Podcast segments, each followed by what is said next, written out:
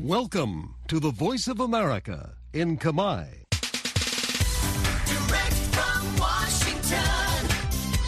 the voice of America, VOA.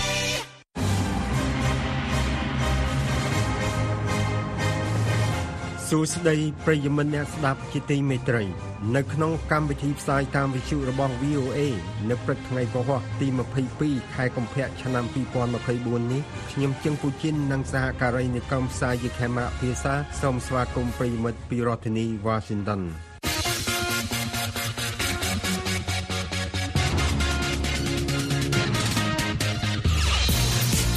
នៅក្នុងការផ្សាយរបស់ VOA នៅវេលាព្រឹកនេះយើងខ្ញុំមានសេចក្តីរាយការណ៍អំពីប្រជាពលរដ្ឋអ៊ុយក្រែនត្រៀមខ្លួនសម្រាប់សង្គ្រាមដែលអូសបន្លាយប្រជាសហគមន៍សំរោងត្បូងបន្តស្នើសុំអាជ្ញាធរផ្ដល់ដំណោះស្រាយដល់ពួកគេខណៈកំពុងប្រឈមនឹងការបណ្តេញចេញហើយនឹងសេចក្តីរាយការណ៍អំពីអ្នកការពារសិទ្ធិមនុស្សបារម្ភពីកំណើនការគៀបសង្កត់ឆ្លងដែននិងទាមទារឲ្យអាមេរិកឆ្លើយតប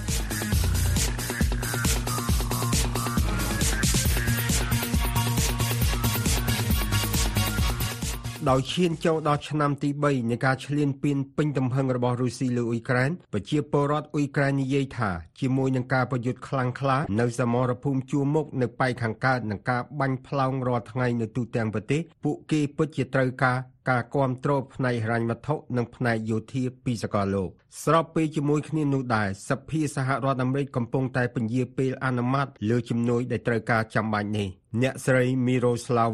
Miroslava Kongadze ប្រធានការិយាល័យព័ត៌មានរបស់ VOA ប្រចាំនៅអឺរ៉ុបខាងកើតរាយការណ៍អំពីរឿងនេះពីរដ្ឋធានីគៀវនៃប្រទេសអ៊ុយក្រែនអ្នកស្រីហុងចិនដាជួនសេចក្តីប្រែសម្រួលដូចតទៅប៉ុន្មានថ្ងៃមុនពេលខួបលើកទី2នៃការឈ្លានពានរបស់រុស្ស៊ីអ៊ុយក្រែនបានសម្រេចដកទ័ពចេញពីក្រុងអាវឌីអ៊ីវកានៅតំបន់ដុនញឹកនៅអាមេរិកសេតវិមានបន្ទោសភាជាតិដែលមិនព្រមផ្ដល់ជំនួយបន្ថែមដោយថាអ៊ុយក្រែនបន្តប្រយុទ្ធយ៉ាងក្លាហានប៉ុន្តែខ្វះសភាវុធ ប្រធានាធិបតីអ៊ុយក្រែនលោក Vladimir Zelensky ថ្លែងនៅក្នុងសន្និសីទសន្តិសុខក្រុងមុយនិកនៅថ្ងៃដកកងទ័ពនោះថា Do not ask Ukraine when the war will end. កុំសួរអ៊ុយក្រែនថានៅពេលណាទើបសង្គ្រាមចប់ចូលសួរខ្លួនឯងថាហេតុអ្វីបានជាលោកពូទីននៅតែអាចបន្តសង្គ្រាមបាន ប្រជាជនអ៊ុយក្រែននៅក្រុងគៀវកំពុងរងទុក្ខនិងត្រៀមខ្លួនសម្រាប់សង្គ្រាមដ៏អូសបន្លាយមួយអ្នកស្រី Olga Rudenko និពន្ធនាយកកាសែត Kyiv Independent កំពុងអង្គុយធ្វើការនៅពេលដែលរុស្ស៊ីចាប់ផ្ដើមឈ្លានពានកាលពីខែកុម្ភៈឆ្នាំ2022ខណៈដែលអត្ថបទអនឡាញរបស់អ្នកស្រីទើបតែចេញផ្សាយបានប្រមាណខែអ្នកស្រីថ្លែងថា Anthony Blinken said that the invasion លោក Anthony Blinken ថាការឈ្លានពានលើអ៊ុយក្រែននឹងចាប់ផ្ដើមមុនព្រឹកព្រហៀមហើយនោះគឺជាពេលដែលសង្គ្រាមនេះបានកើតឡើងភ្លាមៗនៅពេលប្រធានាធិបតីរុស្ស៊ីលោក Vladimir Putin ថ្លែងសន្ទរកថាចប់នៅមុនការឈ្លានពាននោះអ្នកស្រី Rudenko ត្រៀមរួចរាល់ we prepared a news item saying យើងត្រៀមដំណឹងមួយដោយថាលោកពូទីនបានប្រកាសពីសង្គ្រាមលើអ៊ុយក្រែនហើយនៅពេលលោកនិយាយចប់យើងផ្សាយដំណឹងនោះក្នុងពេលនោះយើងបានឮសូរសំឡេងគ្រាប់ផ្ទុះក្រោយការផ្សាយអំពីសង្គ្រាមអស់2ឆ្នាំកាសែត The Kyiv Independent បានក្លាយជាកាសែតផ្សាយជាភាសាអង់គ្លេសចម្បងដែលរាយការណ៍អំពីស្ថានភាពនៅអ៊ុយក្រែនគោលដៅគឺដើម្បីជួយពិភពលោកឲ្យយល់អំពីអ្វីដែលប្រជាជនអ៊ុយក្រែនតស៊ូចង់បានអ្នកស្រី Rudenko ថ្លែងថា it is very frustrating to be here វាពិបាកណាស់ក្នុងការរស់នៅ ក្នុងអ៊ុយក្រែន ហើយមើលព័ត៌មានទាំងអស់អំពីសភាអាមេរិកមិនអាចបោះឆ្នោតផ្ដល់ជំនួយដល់អ៊ុយក្រែនព្រោះសម្រាប់ពួកគេវាប្រហែលគ្រាន់តែជាតួលេខប៉ុណ្ណោះប៉ុន្តែសម្រាប់យើងវាគឺជាជីវិតពិតនិងមនុស្សពិតលោក Volodymyr Ozymyshyn គឺជាវីរៈសេនីយ៍ត្រីនៃកងទ័ពអ៊ុយក្រែនដែលធ្លាប់ជារដ្ឋមន្ត្រីហេដ្ឋារចនាសម្ព័ន្ធឈរនៅទីលានកណ្ដាលក្នុងក្រុងគៀវលោកគិតពីស្ថានភាពនៅអ៊ុយក្រែន we become much stronger uh, by arms, by people, and definitely it's not. យើងកាន់តែរឹងមាំដោយសារកងទ័ពនិងប្រជាជន វាមិនមែនជាសង្គ្រាមដែលនឹងចប់ក្នុងពេល2ឬ3សប្តាហ៍ទេ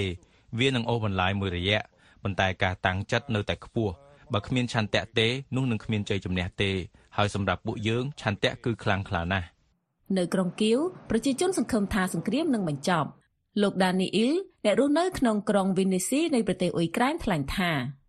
Uh, I want to see my mom ខ្ញុំចង់ជួបម្ដាយនិងឪពុកខ្ញុំពួកគាត់នៅបរទេសខ្ញុំនៅទីនេះដោយសារខ្ញុំមិនអាចទៅជួបពួកគាត់បានលោកអូឡេកស៊ីដែលជាពលរដ្ឋអ៊ុយក្រែនម្នាក់ទៀតថ្លែងថា We scary every day, every night. យើងភ័យខ្លាចរាល់ថ្ងៃយើងចង់បានសន្តិភាព យើងចង់បញ្ឈប់លោកពូទីននិងឲ្យលោកប្រគល់ទឹកដីឲ្យយើងវិញ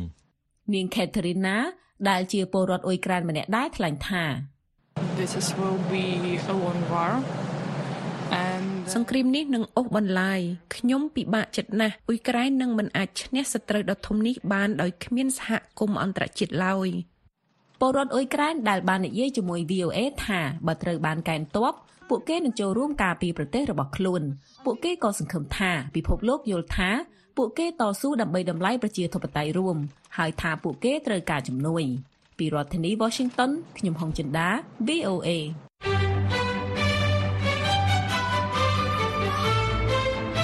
ប្រិមិត្តជាទីមេត្រីឥឡូវនេះកម្មវិធី Hello VOA ស្ដីពីសុខភាព ដែលតែងតែចាក់ផ្សាយនៅរៀងរាល់រាត្រីថ្ងៃប្រហ័សសប្តាហ៍ទី3នៃខែនីមួយៗក៏មានជាវីដេអូផងដែរ អស់លោកអ្នកនាងអាចទស្សនាកម្មវិធី Hello VOA ស្ដីពីសុខភាពនេះបានដោយចូលទៅកាន់គេហទំព័ររបស់យើងដែលមានអាស័យដ្ឋាន khmer.voanews.com ឬចុចលើកម្មវិធី Hello VOA នោះលោកអ្នកនាងនឹងចូលទៅដល់ទំព័រមួយទៀតដែលមានកម្មវិធី Hello VOA សុខភាពហើយលោកអ្នកនាងអាចទស្សនាវីដេអូមួយណាក៏បាន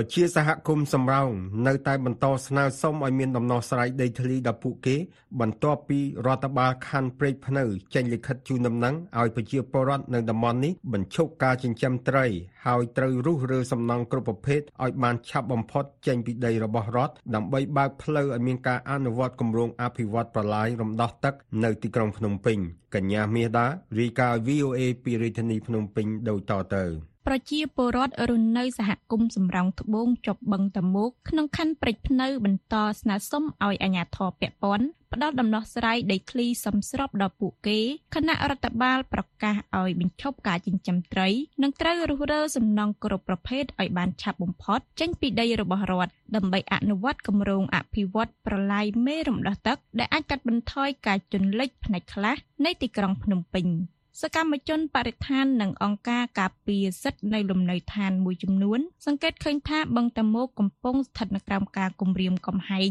ដោយសារការពុះជ្រៀកដីបឹងជាង70%នៃផ្ទៃបឹងជាង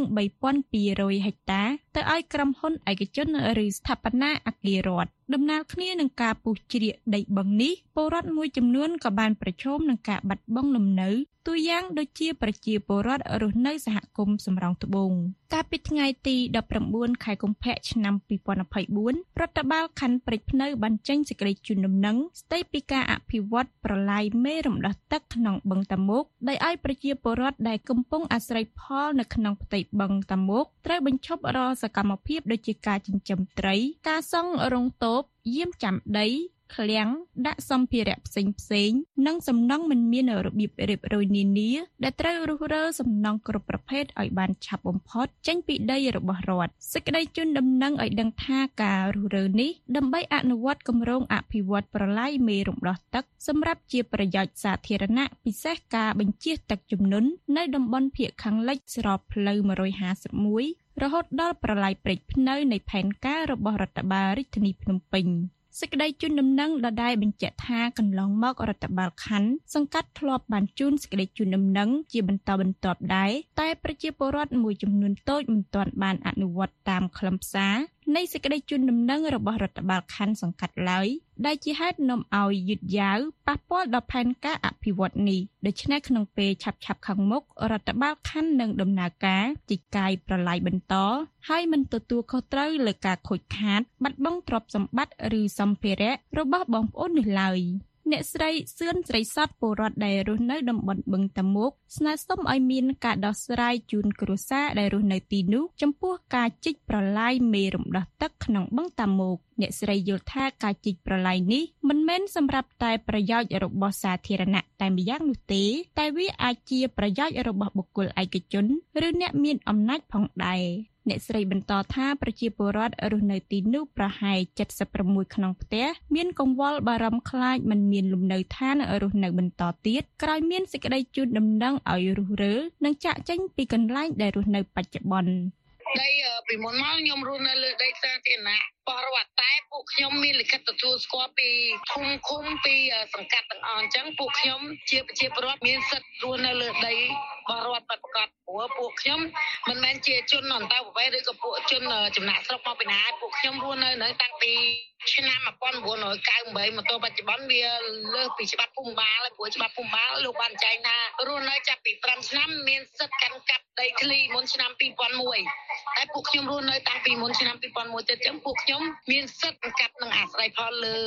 ដីដែលពួកខ្ញុំរស់នៅព្រោះពីមុនដីដែលពួកខ្ញុំរស់នៅគឺជាដីស្រែប្រាំងបើតាមអ្នកស្រីសឿនស្រីសុតកន្លងមកអ្នកចាក់ចេញពីកន្លែងនេះទៅរស់នៅកន្លែងដែលអាជ្ញាធររៀបចំសម្រាប់ការដោះដូរប៉ុន្តែផ្ទះដែលអាជ្ញាធរសាងសង់នោះមានបញ្ហាគុណភាពសំណង់ដោយសារបច្ចុប្បន្ននេះមានការប្រេះតាមជញ្ជាំងផ្ទះ ដែលបានបង្កជាក្តីបារម្ភថាផ្ទះទាំងនោះអាចប្រឈមការដួលរលំស្រុតចុះដល់ដី ចំណែកពលរដ្ឋម្នាក់ទៀតដែលរស់នៅតំបន់បឹងតាមុកអ្នកស្រីសៀដាវីប្រាប់ VOA ថាចំពោះការជូនដំណឹងលើកនេះហាក់មិនសមទំនងហេតុផលថាអាញាធរមិនធ្លាប់ហៅតំណាងភាគីខាងប្រជាពលរដ្ឋទៅពិគ្រោះយោបល់ជាមុននោះឡើយ អ្នកស្រីបន្តថាពលរដ្ឋបានដាក់ញត្តិទៅសុំការជួយរកដំណោះស្រាយនៅតាមស្ថាប័នពាក់ព័ន្ធមួយចំនួនដូចជាខណ្ឌព្រែកភ្នៅសាលារាជធានីក្រសួងរៀបចំដែនដី រដ្ឋសភាប៉ុន្តែញត្តិទាំងនោះត្រូវបានបញ្ជូនមកឲ្យខណ្ឌព្រែកភ្នៅវិញដោយគ្មានលទ្ធផលអ្វីជាដុំកំភួនតកតងគម្រោងការជីកប្រឡាយបច្ចុប្បន្ននេះអ្នកស្រីលើកឡើងថាប្រសិនមានការជីកប្រឡាយដូចនេះមែននោះផ្ទះពលរដ្ឋប្រហែល76ក្នុងផ្ទះនឹងរងផលប៉ះពាល់ទាំងអស់ ប៉ះទាំងអស់ឮថាបន្លាយហ្នឹង60ម៉ែត្រ70ម៉ែត្រហើយចំណីផ្លូវគេហ្នឹងចាក់ពីអាខ្នល់មក25ម៉ែត្រចឹងដីផ្ទះពូបងគឺអាលាយទាំងអស់គ្នាមកសហគមន៍ហ្នឹងហ្មងអ្នកស្រីសៀដាវីអះអាងថាពលរដ្ឋដែលរស់នៅទីនោះភ្នាក់ច្រើនសុទ្ធតែមានប្លង់ទុនដែលខាងភូមិឃុំធ្លាប់បានចេញឲ្យប៉ុន្តែខាងអាជ្ញាធរបែរជាលើកឡើងថាប្លង់ទុនទាំងនោះត្រូវបានរដ្ឋាភិបាលនិរាកោចោលអស់ហើយ អាញាធរខណ្ឌសង្កាត់ហ្នឹងគេដឹងថាពួកយើងមានប៉ុន្តែគេនៅនិយាយថាខ្លាំងភូមិឃុំហ្នឹងរដ្ឋាភិបាលនារីក៏ចោលហើយហើយជាអញ្ចឹងណាហើយពួកបងដែរដឹងថាសេចក្តីប្រកាសរបស់រដ្ឋាភិបាលនារីក៏ខ្លាំងភូមិឃុំរបស់ប្រជាពលរដ្ឋនៅសហគមន៍ចម្រងតងពីថ្ងៃណាទេ ពលរដ្ឋរស់នៅដីបឹងតាមុកជារឿយរឿយៗបានស្នើសុំអាជ្ញាធរនិងភាគីពាក់ព័ន្ធឲ្យផ្ដល់ដំណោះស្រាយជូនពលរដ្ឋដែលរស់នៅទីនោះដែលជួយទិញផ្ទះរបស់ពួកគេតាមតម្លៃទីផ្សារនិងបញ្ឈប់ការគំរាមកំហែងផ្សេងៗដើម្បីឲ្យពួកគេចាក់ចេញពួកគេថាបើមិនមានដំណោះស្រាយទេ ពួកគេនឹងគ្មានជំរើសណាក្រៅពីការបន្តរស់នៅ លើដីនោះតទៅទៀត លោកកាត់ឆាយអភិបាលរងរាជធានីភ្នំពេញប្រវីអូអេថាប្រជាពលរដ្ឋគួរតែយកប្លង់កម្មសិទ្ធិដីធ្លីរបស់ពួកគេទៅផ្ទៀងផ្ទាត់ជាមួយអាជ្ញាធរដើម្បីបញ្ជាក់ឲ្យច្បាស់ថាដីដែលពួកគេកំពុងរស់នៅនោះមិនមែនជាដីរបស់រដ្ឋគឺបើសិនជាគាត់មានបានកម្មសិទ្ធិមានឯកសារបញ្ជាក់ថាកម្មសិទ្ធិហ្នឹងអាជ្ញាធរចុះរាប់លានក្បាលដីត្រូវបានរាប់ផ្ដល់កម្មសិទ្ធិឲ្យទាំងអស់ហើយហ្នឹងឲ្យតែមានឯកសារត្រឹមត្រូវ អញ្ចឹងយើងដាក់សំណួរសួរថាមូលហេតុអីបានកន្លែងហ្នឹងអត់ទាន់បានកម្មសិទ្ធិអញ្ចឹងប្រសិនបើគាត់មានមានបញ្ហាចន្លោះប្រហោងគាត់ទៅធ្វើការជាមួយអាជ្ញាធរណាដើម្បីអាជ្ញាធរពិនិត្យផ្ទៀងផ្ទាត់លើឯកសាររបស់គាត់ VOA ពុំទាន់អាចសុំការអត្ថាធិប្បាយពីលោកធឹមសំអាន អភិបាលខណ្ឌព្រែកភ្នៅបាននៅឡើយទេលោកសឿងសារ៉ននាយកប្រតិបត្តិសមាគមធៀងថ្នត់យល់ឃើញថាអាជ្ញាធរគួរតែបើកការពិភាក្សាជាមួយប្រជាពលរដ្ឋដែលប៉ះពាល់ឲ្យបានល្អិតល្អន់ជំវិញករណីនេះដើម្បីរកដំណោះស្រាយឲ្យមានសមភាពរវាងគ្នានឹងគ្នាដោយសារបញ្ហានេះអូសបន្លាយពេលយូរមកហើយ ចឹងខ្ញុំគិតថាគួរតែរកចំណុចកណ្ដាលមួយដើម្បីបញ្ជាការអូសបន្លាយហ្នឹងព្រោះការអូសបន្លាយនេះវាប៉ះពាល់ច្រើនដល់ទាំងផ្លូវអារម្មណ៍របស់ប្រជាពលរដ្ឋទាំងឋានភាពរ៉ៃវត្ថុរបស់ពួកគាត់ហើយនឹង អ្នកខ្លះទៀតគាត់អាចបោះបង់ក្មេងៗអាចបោះបង់ការសិក្សាដោយសារបញ្ហានេះអញ្ចឹងគួរតែជំរុញឲ្យមែនទែនជាពិសេសអ្នកពាក់ព័ន្ធថាមូលដ្ឋានហ្នឹងគាត់ទៅព្យាយាមដោះស្រាយករណីនេះបានលឿនតាមដែលអាចធ្វើទៅបានលោកបន្ថែមថាក្នុងនាមជាអាជ្ញាធរពាក់ព័ន្ធត្រូវមានទួនាទីជួយដោះស្រាយបញ្ហាជូនប្រជាពលរដ្ឋប្រកបដោយភាពឯករាជ្យជាជាងការប្តឹងផ្តល់គ្នាទៅវិញទៅមក ជំនួសឲ្យការប្តឹងទៅវិញទៅមកខ្ញុំលើកទឹកចិត្តឲ្យភាគីពាក់ព័ន្ធមែនទេក្នុងនាមជាប្រវត្តិទាំងចង់ឲ្យមានអាជ្ញាធរគាត់ប្រមដំណោះស្រាយប្រកបដោយសមភាពនិងសន្តិភាពឲ្យវិជាពលរដ្ឋមិនមិនចង់បានអ្វីក្រៅពីអ្វីដែលគាត់មានស្រាប់ហ្នឹងទេគួរបញ្ជាក់ថាចាប់តាំងពីឆ្នាំ2019មកសហគមន៍បានស្វែងរកកិច្ចអន្តរាគមន៍ពីស្ថាប័នជាតិនានា ដូចជាសាលាសង្កាត់សំរោងត្បូង សាលាខណ្ឌព្រែកភ្នៅសាលារាជធានីភ្នំពេញខុទ្ទកាល័យនាយករដ្ឋមន្ត្រី ប្រសិទ្ធិក្រសួងរៀបចំដែនដីនគររូបនីយកម្មនិងសំណង់ជាដើមប៉ុន្តែมันមានដំណោះស្រាយអ្វីឡើយរហូតមកដល់ពេលនេះរាយការណ៍ពីរាជធានីភ្នំពេញ នាងខ្ញុំមេដា VOA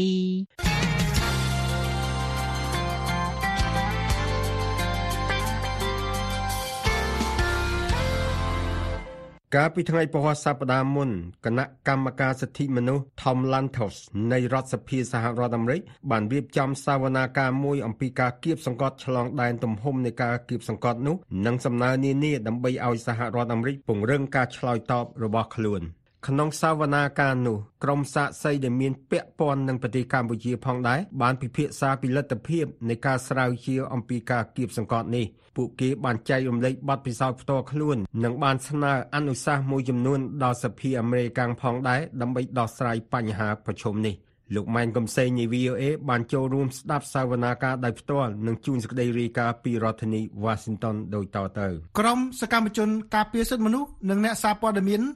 បានសម្ដែងការព្រួយបារម្ភពីការកើនឡើងនៃការគៀបសង្កត់ឆ្លងដែនលើសហគមន៍នៅក្រៅប្រទេសដោយរដ្ឋាភិបាលមួយចំនួននៅលើពិភពលោកហើយតាមរយៈសវនាការមួយរៀបចំដោយគណៈកម្មការការពារសិទ្ធិមនុស្ស Tom Lantos របស់រដ្ឋសភាអាមេរិកកាលពីថ្ងៃទី15ខែកុម្ភៈពួកគេបានស្នើឲ្យសហរដ្ឋអាមេរិកចាត់វិធានការបន្ថែមដើម្បីការពារសុវត្ថិភាព សកម្មភាពនៃការគៀបសង្កត់ឆ្លងដែនទាំងនេះ បានធ្វើឡើងដោយរដ្ឋាភិបាលចំនួន38នៅប្រទេសចំនួន91ហើយប្រព្រឹត្តដោយរដ្ឋាភិបាល ដែលជាសម្ព័ន្ធមិត្តរបស់សហរដ្ឋអាមេរិកនិងបច្ចាមិត្តផងដែរក្នុងចំណោមនេះប្រទេសកុម្មុយនីសចិនបានប្រព្រឹត្តល្មើសច្រើនជាងគេ ប្រទេសទូគីអេស៊ីបរ៉ូវ៉ាន់ដារុស្ស៊ីអារ៉ាប៊ីសាអូឌីតនិងអ៊ីរ៉ង់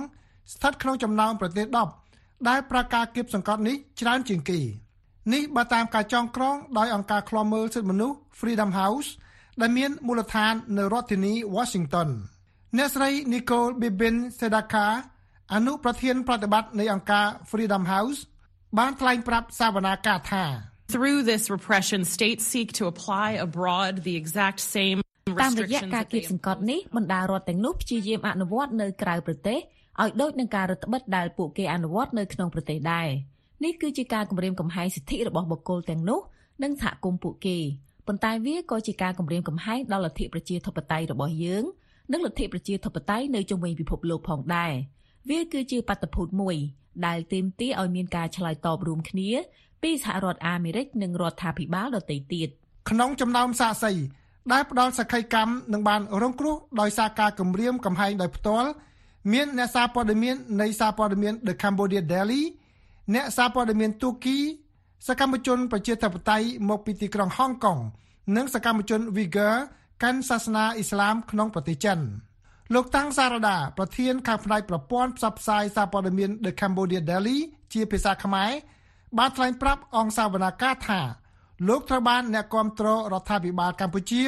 ធ្វើសកម្មភាពជាបន្តបន្ទាប់គម្រាមតាមបណ្ដាញសង្គមចង់សម្លាប់ និងធ្វើបាបសមាជិកក្រុមគ្រួសារកាលពីពាក់កណ្ដាលឆ្នាំ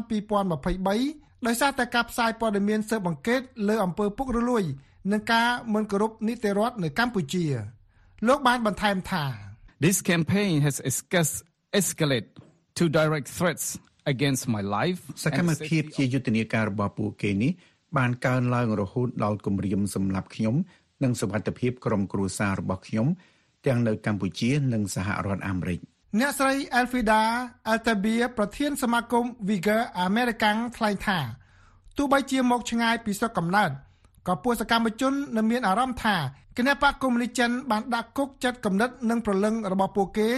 ទាំងនៅក្នុងសហរដ្ឋអាមេរិកដោយសារតែសកម្មភាពតាមយាយីដោយផ្ទាល់និងតាមបណ្ដាញសង្គមរីឯកញ្ញា Francis Wei ដែលជាអ្នកសម្របសម្រួលគោលនយោបាយនិងការតស៊ូមតិរបស់មូលនិធិគណៈកម្មការ ដើម្បីសេរីភាពនៅហុងកុងបានរៀបរាប់ពីបទពិសោធន៍ដែលនាងត្រូវបានគេគំរាមសម្លាប់និងត្រូវអាជ្ញាធរក្រុងហុងកុងតាមរកចាប់ខ្លួនដោយសារពាក់ព័ន្ធនឹងការរៀបចំបាតកម្មទាមទារលទ្ធិប្រជាធិបតេយ្យនៅហុងកុងតាំងពីឆ្នាំ2014ដល់ឆ្នាំ2022អង្គការ Freedom House បានចងក្រងសំណុំរឿងចំនួន854នៃការគៀបសង្កត់ដោយផ្ទាល់និងលើរាងកាយដែលប្រព្រឹត្តដោយរដ្ឋាភិបាលទាំង38 ក្នុងនោះមានកម្ពុជាផងដែររីឯជនរងគ្រោះមានអ្នកសារព័ត៌មានអ្នកស្រាវជ្រាវអ្នកការពារសិទ្ធិមនុស្សក្រមជនជាតិភាគតិច និងអ្នកកាន់សាសនាក៏ដូចជាអ្នកនយោបាយប្រឆាំងផងដែរវិធីដែលគេប្រើគឺមានច្រើនទម្រង់ក្នុងនោះមានការតាមឃ្លាំមើលនិងយាយីរំខានដោយផ្ទាល់និងតាមបណ្ដាញសង្គមការគម្រាមកំហែងនិងវាយធ្វើបាប ការរើសអើងការបង្ខំឲ្យធ្វើមាតុភូមិនិវត្តន៍ការដាក់សម្ពាធលើសមាជិកក្រុមគ្រួសារ ឬចាប់ពួកគេឃុំឃាំងចាប់ជំរុតបង្ខំឲ្យបាត់ខ្លួននិងធ្វើឃាតលោក James McGovern សហប្រធាននៃគណៈកម្មការសិទ្ធិមនុស្ស Tom Lantos បានថ្លែងថាអ្វីដែលជាដំណឹងល្អគឺសហរដ្ឋអាមេរិកកំពុងយកចិត្តទុកដាក់លើបញ្ហានេះទាំងនៅក្នុងប្រទេសនិងក្រៅប្រទេសលោកបានបន្ថែមថាមន្ត្រីនៅប្រទេសខ្លះត្រូវបានដាក់ទណ្ឌកម្មក្នុងនោះមានប្រទេសអារ៉ាប៊ីសាអូឌីតក្នុងករណីសម្រាប់អ្នកកាសែត Washington Post ប៉ុន្តែក៏ចាំបាច់ត្រូវមានច្បាប់បន្ថែមដើម្បីឲ្យការអនុវត្តកាន់តែមានប្រសិទ្ធភាពសវនកម្មដែលរៀបចំឡើងដោយមានអ្នកចូលរួមផ្ទាល់និងតាមអនឡាញនេះបានតាក់ទាញអ្នកចូលរួមពេញនៅក្នុងសាលដែលមានចំណុះជិត100នាក់និងជាផ្នែកមួយនៃការប្រមូលសក្ខីកម្មដើម្បីជំរុញការអនុម័តច្បាប់ស្តីពីគោលនយោបាយលើការគៀបសង្កត់ឆ្លងដែននិងការឆ្លើយតបរបស់សហរដ្ឋអាមេរិកលោកតាំងសារដាបានថ្លែងប្រាប់ VOA នៅក្រៅពីសវនកម្មថា លោកចង់ឲ្យសហរដ្ឋអាមេរិកដាក់ទណ្ឌកម្មទិដ្ឋាការលើថ្នាក់ដឹកនាំកម្ពុជា ដែលធ្វើសកម្មភាពដើម្បីពង្រឹងវត្តមានគណបកប្រជាជនកម្ពុជានៅសហរដ្ឋអាមេរិកនិងពិនិត្យមើលចរាចរណ៍ប្រាក់ដែលពួកមន្ត្រីទាំងនោះបញ្ចេញមកអាមេរិកដើម្បីធ្វើសកម្មភាពនយោបាយសម្រាប់គណបកកណ្ដាលអំណាចលោកក៏ស្នើឲ្យពិនិត្យមើលមន្ត្រីអាមេរិកដើមកំណត់ខ្មែរនៅថ្នាក់មូលដ្ឋានដែលចូលរួមគ្រប់គ្រងគណបកប្រជាជនកម្ពុជា នៅអាមេរិកផងដែរ លោកតាំងសារដាបានបន្ថែមថាដូច្នេះយើងចង់ឲ្យរដ្ឋសភាក៏ដូចជារដ្ឋាភិបាលសហព័ន្ធរបស់សហរដ្ឋអាមេរិកនឹងពិនិត្យមើលមន្ត្រីទាំងអស់នោះថាតើខ្លួនកំពុងតែផ្ដល់ភាពស្របច្បាប់កម្រិតណាដល់អឺគណៈបកប្រជាជនកម្ពុជាដែលមានវត្តមាននៅក្នុងទឹកដីសហរដ្ឋអាមេរិកលោក Chris Smith សហប្រធានគណៈកម្មការសិទ្ធិមនុស្ស Tom Lantos បានប្រាប់ VOA សម្លេងសហរដ្ឋអាមេរិកនៅក្រៅពីសវនកម្មបានបញ្ចប់ថា ក្រោយពីបានស្ដាប់សក្ខីកម្មរបស់សកម្មជននិងជនរងគ្រោះដោយផ្ទាល់លោកបញ្ញាចិត្តជំរុញច្បាប់ស្ដីពីគោលនយោបាយលើការគៀបសង្កត់ឆ្លងដែននេះឲ្យបានចូលជាធរមានដោយសាររូបភាពនៃការគៀបសង្កត់នេះមានគ្រោះថ្នាក់ដល់សកម្មជនទាំងនោះលោកបានបន្ថែមថា I mean we've got to get that passed. We got to stop this. យើងត្រូវតែអនុម័តសេចក្តីព្រាងច្បាប់នេះយើងត្រូវតែបញ្ឈប់ការលូកដៃដល់វែង ចូលមកគៀបសង្កត់ដែលមិនត្រឹមតែក្នុងប្រទេសរបស់យើងទេប៉ុន្តែនៅទីកន្លែងដទៃផងដែរសេចក្តីព្រាងច្បាប់ស្តីពីគោលនយោបាយលើការគៀបសង្កត់ឆ្លងដែនឬ HR 3654ត្រូវបានសារឡើងជាថ្មីក្នុងខែឧសភាឆ្នាំ2023ដោយលោក Chris Smith នៃគណៈបកសាធារណរដ្ឋនិងលោក James McGovern នៃគណៈបកប្រជាធិបតេយ្យបន្ទាប់ពីខកខានមិនបានអនុម័តតាំងពីឆ្នាំ2014មក សេចក្តីស្នើច្បាប់នេះមានគោលបំណងដោះស្រាយការគៀបសង្កត់ឆ្លងដែនដែលប្រព្រឹត្តដោយរដ្ឋាភិបាលបរទេសប្រឆាំងនឹងបុគ្គលឯកជន និងសម្រាប់គោលបំណងមួយចំនួនទៀតក្នុងការការពារសិទ្ធិសេរីភាពរាជរដ្ឋាភិបាលកម្ពុជាបានថ្លែងថាខ្លួនមិនបានរៀបចំជាបណ្ដាញសម្រាប់គៀបសង្កត់សហគមន៍ខ្មែរនៅក្រៅប្រទេសទេ គឺមានតែចង់ឲ្យពួកគេគោរពច្បាប់ និងទទួលបានសេចក្តីសុខប៉ុណ្ណោះលោកប៉ែនបូណាអ្នកនាំពាក្យរាជរដ្ឋាភិបាលកម្ពុជា បានថ្លែងប្រាប់ VOA តាមសារ Telegram កាលពីថ្ងៃសុក្រសប្តាហ៍មុនថា ការបញ្ចេញមតិរបស់អ្នកគាំទ្ររបស់រដ្ឋាភិបាលទាំងនៅក្នុងស្រុកនិងក្រៅស្រុកជាសិទ្ធិផ្ទាល់ខ្លួនរបស់ពួកគេ ក្នុងការការពារថ្នាក់ដឹកនាំនិងសេចក្តីថ្លៃថ្នូររបស់កម្ពុជាលោកបានបញ្ជាក់ថានៅពេលដែលអ្នកគ្រប់គ្រងទាំងអស់ហ្នឹងគាត់មើលឃើញអ្នកណាម្នាក់ដែលប្រមាថមើលងាយថ្នាក់ដឹកនាំរបស់គាត់ហួសហេតុពេក ទទួលយកបានគាត់ក៏ឆ្លើយតបតទៅវិញឆ្លើយតាមបណ្ដាញសង្គមតាមអីហ្នឹងទៅបាទមានទៅប្រើហិង្សាមានអីណាហើយដល់ពេលគេឆ្លើយតបទៅវិញគាត់ចាត់ទុកថានឹងជាការគំរាមកំហែងត្រង់គាត់មាក់ងាយគេប្រមាថគេគ្រប់បែបយ៉ាងគាត់អត់ធ្វើដឹងធ្វើលឺត្រង់គេឆ្លើយទៅវិញគាត់ថាគេគំរាមកំហែងនេះគឺជាទម្លាប់របស់ពួកគាត់ លោកប៉ែនបូណាចាត់ទុកថាករណីរបស់លោកតាំងសារដានៃសារព័ត៌មាន The Cambodia Daily គឺមិនមានការចាត់តាំងឲ្យគម្រាមកំហែងទេ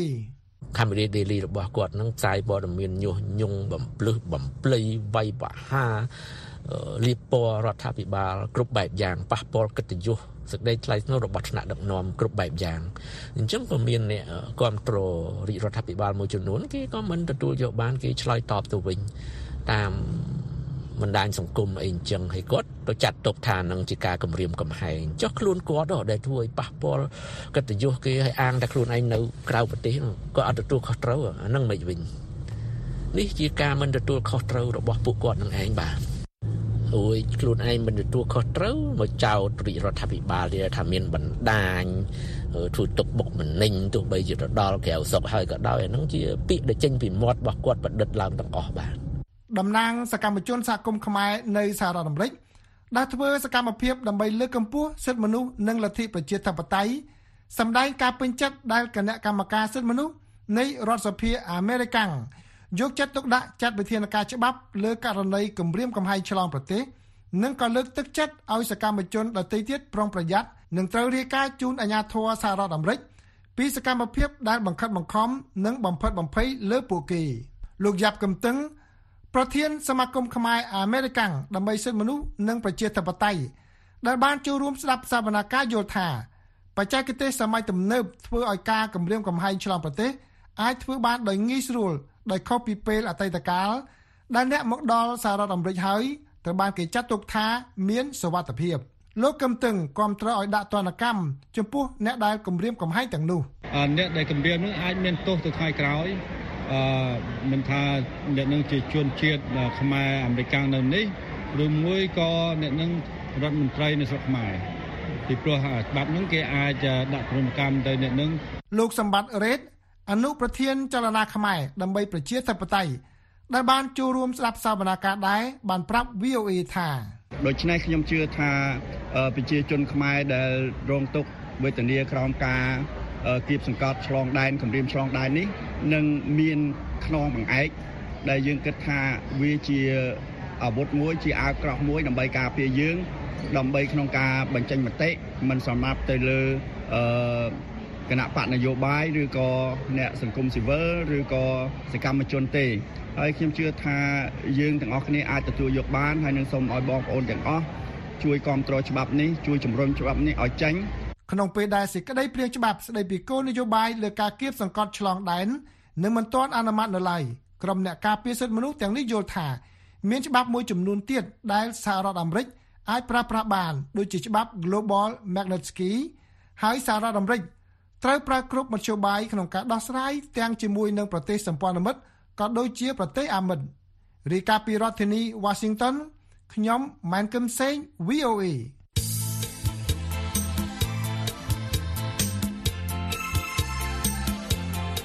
អស់លោកអ្នកស្ដាប់ជាទីមេត្រី នៅក្នុងការផ្សាយរបស់ VOA នៅរាត្រីនេះសូមអស់លោកអ្នករងចាំស្ដាប់សេចក្តីរាយការណ៍ព័ត៌មានថ្មីៗពីប្រទេសកម្ពុជា ពីតំបន់អាស៊ីនិងពីជុំវិញពិភពលោកហើយនឹងកម្មវិធី Hello VOA នៅរាត្រីនេះយើងខ្ញុំអញ្ជើញលោកស៊ីបសីហា អ្នកសម្របសម្រួលមជ្ឈមណ្ឌលធនធានពលករទេសន្តរប្រវេសខេត្តបន្ទាយមានជ័យជាវាគ្មិនលោកនឹងពិភាក្សាប្រធានបទអំពីការផ្តល់សេវារបស់មជ្ឈមណ្ឌលធនធានពលករទេសន្តរប្រវេស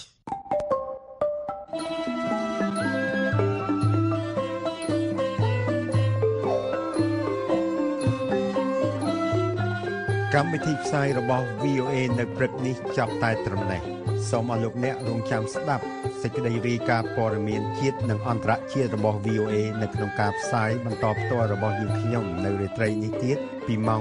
8:30នាទីដល់ម៉ោង9:30នាទី តាមរលកវិទ្យុ 25m ត្រូវនឹងកម្រិត11695និង1575 kHz ឬតាមប្រព័ន្ធអ៊ីនធឺណិតដែលមានអាសយដ្ឋានខ្មែរ .voenews.com សូមអរលោកអ្នកបានប្រកបដោយសេចក្តីសុខនិងសុភមង្គលគ្រប់ប្រការអារុនសុស្ដី